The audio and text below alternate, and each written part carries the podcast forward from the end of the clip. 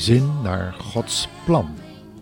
Welkom luisteraar in ons familieprogramma van de Stichting Adulam. Het thema voor vandaag heet Je zoon of je religieuze leven.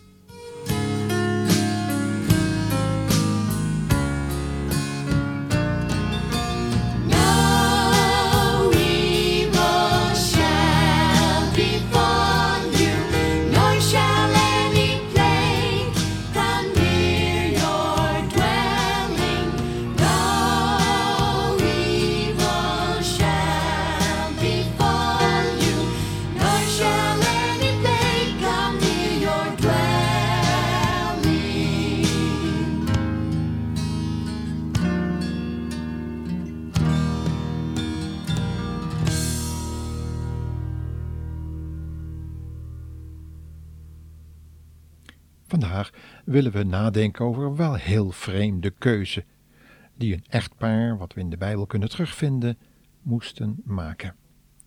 Kiezen voor je kind of voor een zwaar religieus systeem wat het hele leven beheerst.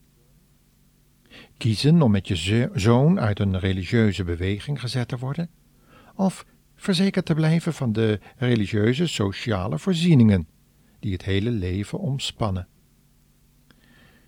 Gebeuren zulke dingen nou echt, zult u zich afvragen? Luister eens naar wat er in de tijd van Jezus binnen het gezinsleven kan gebeuren, wanneer een van de leden van het gezin radicaal kiest voor de Heer Jezus en Hem gaat eren en navolgen. Het was nog niet zo lang geleden gebeurd. Een geweldig redenaar, een rabbi, had duizenden mensen weten te boeien met zijn verhalen over de hemel, over het boek van Mozes en de toepassing van de wetten. Zelfs schriftgeleerden en fariseeën moesten toegeven dat nog nooit iemand het volk op zo'n boeiende wijze had onderwezen. Er ging gezag van zijn woorden uit, dat moesten ze toegeven. Verstokte zondaren kwamen tot inkeer en verschillende mensen werden zelfs genezen in de naam van de Almachtige God. Toch durfden de meeste toehoorders niet voor hun respect en waardering uit te komen, uit vrees om uit het godsdienstige en sociale leven gebannen te worden. Dat zou een gewisse hongersdood in die dagen betekend hebben. En wie wilde dat risico nemen? Deze rabbi scheen hun gedachten echter te kunnen raden, en hij riep in een van zijn redenen uit: Als je er bij de mensen openlijk voor durft uit te komen dat ik je vriend ben, zal ik er ook bij mijn hemelse Vader openlijk ervoor uitkomen dat jij mijn vriend bent. Maar als je voor de mensen net doet of je mij niet kent, zal ik ook tegen mijn hemelse Vader net doen of ik jou niet ken. Die woorden hadden niet nagelaten indruk te maken op de toehoorders. Ze kwamen erdoor voor een beslissende keus te staan, voor of tegen deze rabbi Jezus. Een radicale keuze voor hem betekende een zeker isolement en betekende ook tweespal tussen familieleden. Dat had Jezus zelf reeds duidelijk gemaakt door te zeggen: Denk niet dat ik gekomen ben om vrede op aarde te brengen. Nee, eerder het zwaard. Ik ben gekomen om verdeeldheid te brengen tussen vader en zoon, tussen moeder en dochter, tussen schoonmoeder en schoondochter. Iemands ergste vijanden zullen in zijn eigen huis wonen. De ouders van de genezen blindgeborene uit Johannes 9 begrepen deze woorden tot in het diepste van hun ziel. Zij wilden dat risico niet lopen om met een positief oordeel over de rabbi Jezus naar voren te komen, hoewel ze moesten toegeven dat hun zoon van die blind geboren toestand verlost was. En daarom verwezen de, de schriftgeleerden door naar hun zojuist genezen zoon. Maar nu zou mijn luisteraar kunnen zeggen: waarom gaat Jezus dan in tegen het woord van vrede, dat de engelen immers bij zijn geboorte spraken. Zij verkondigden toch vrede tussen de mensen op aarde? Hebben ze dat er werkelijk uitgeroepen in die nacht? Lucas heeft het zo niet opgetekend. De engelen spraken over een vrede die in het koningskind te vinden was. In deze mensenzoon bleek God een welbehagen te hebben en dus ook in allen die in deze Jezus alleen hun vrede zouden zoeken. Dat is wat anders dan vrede tussen de mensen onderling. Simon, de oude profeet die in de tempel op het kinderke Jezus wachtte, kwam dichter bij de waarheid zoals die bedoeld werd. Maria heeft dat ervaren. Jezus zou het zwaard brengen voor allen die buiten hem de vrede zouden zoeken. Maar hoe zit het dan met die boodschap van de engelen?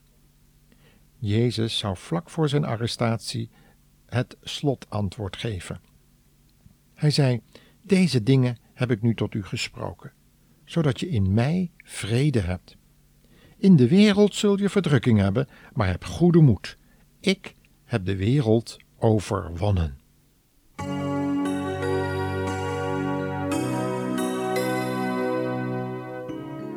The Christian family is probably the most important entity on earth. It is a main building block in God's creation and also a major building block in the Church of Jesus Christ. In fact, it is like a little church all by itself where God wants to show the power of His Word. Chris and Jenny, I'd like to ask you a question. How many actually live in our home? Four. You and Daddy, Chris and me. Well, think again.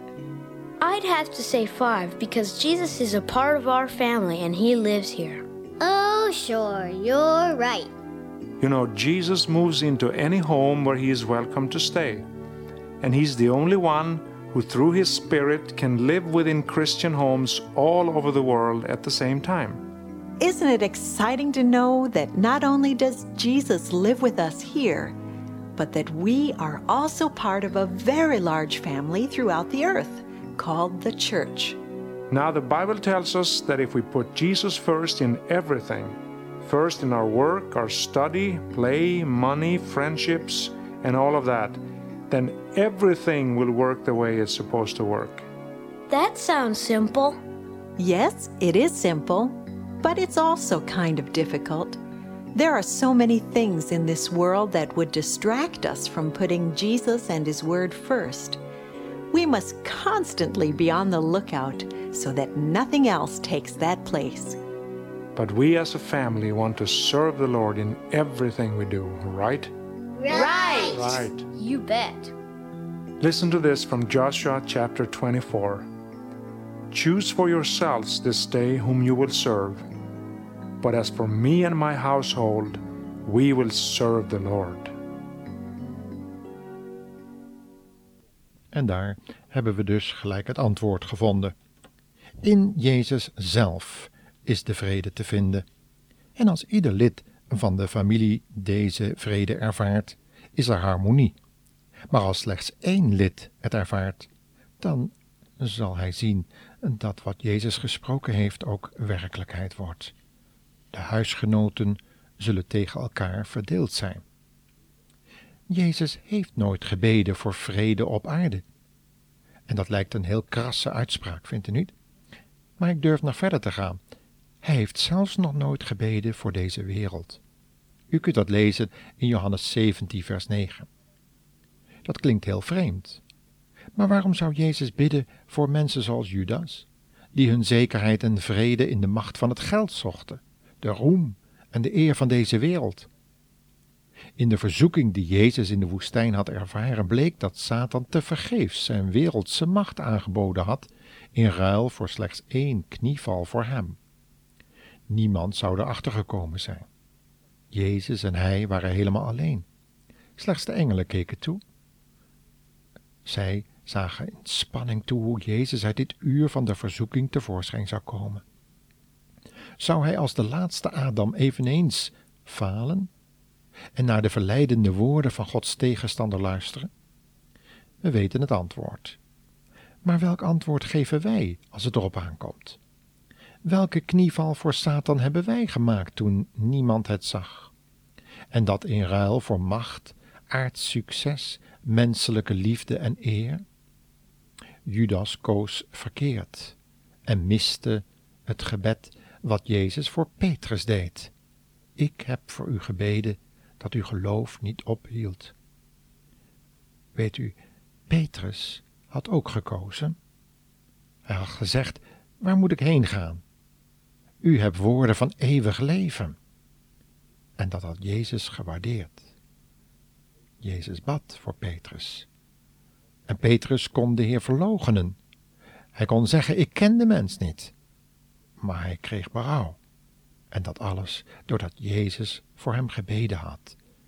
Hij wist dat de Satan zou komen om Petrus te verzoeken, hem zou ziften als de tarwe, met de bedoeling het kaf over te houden, zoals de Satan ook ons dagelijks probeert te ziften, om het kaf naar boven te brengen en het koren uit het zicht te laten verdwijnen.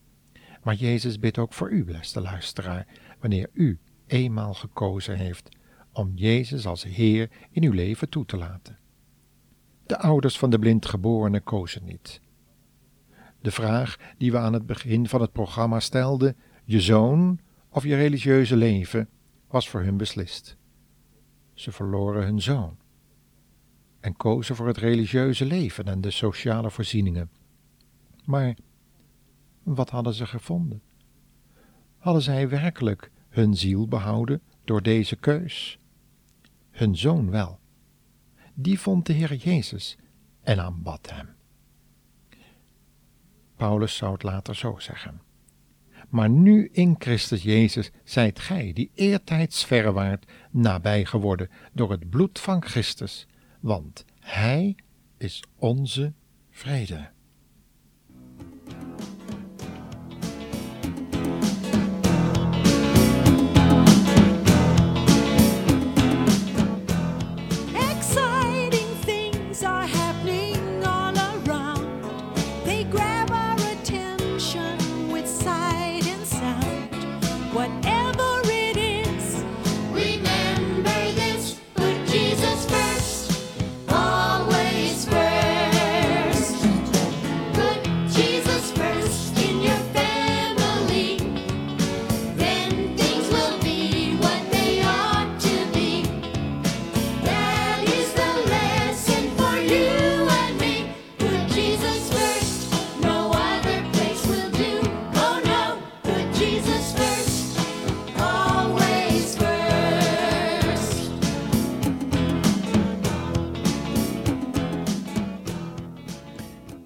Als de wereld Jezus verwerpt als vredevorst, dan blijft de vijand van God niets meer over dan zijn buit alleen maar binnen te halen. Verloren voor het hemelrijk is ieder die vrede op aarde zoekt zonder Jezus. En dat wil bereiken door eigen inspanningen, offers en de overgave van zijn eigen leven voor zogenaamde goede of een rechtvaardige zaak. Maar slechts de aanvaarding van Gods liefde, die geopenbaard werd op het kruis van Golgotha, schept echte vrede op aarde. Te beginnen in je hart, waar eerst zoveel onvrede en vijandschap was, zoals Paulus dat heeft ervaren op de weg naar zijn volgende rechtszitting, waar hij vervloekte christenen die hun vrede zochten bij een kruis zou afslachten. God heeft hem tegengehouden en de vrede gegeven die boven elk verstand uitging, een hemelse vrede dus. En toen de ouders van de blindgeboren zoon in Johannes 9 moesten kiezen tussen aardse welstand en geborgenheid, en de erkenning van het feit dat alleen Jezus vrede en zekerheid kon geven, kozen zij verkeerd en werden zij vervreemd van hun zoon. Hier kwamen de woorden van de Heer Jezus tot vervulling, dat Smans huisgenoten zijn vijanden zouden worden. Maar de zoon had vrede gevonden aan de voeten van de Heer Jezus.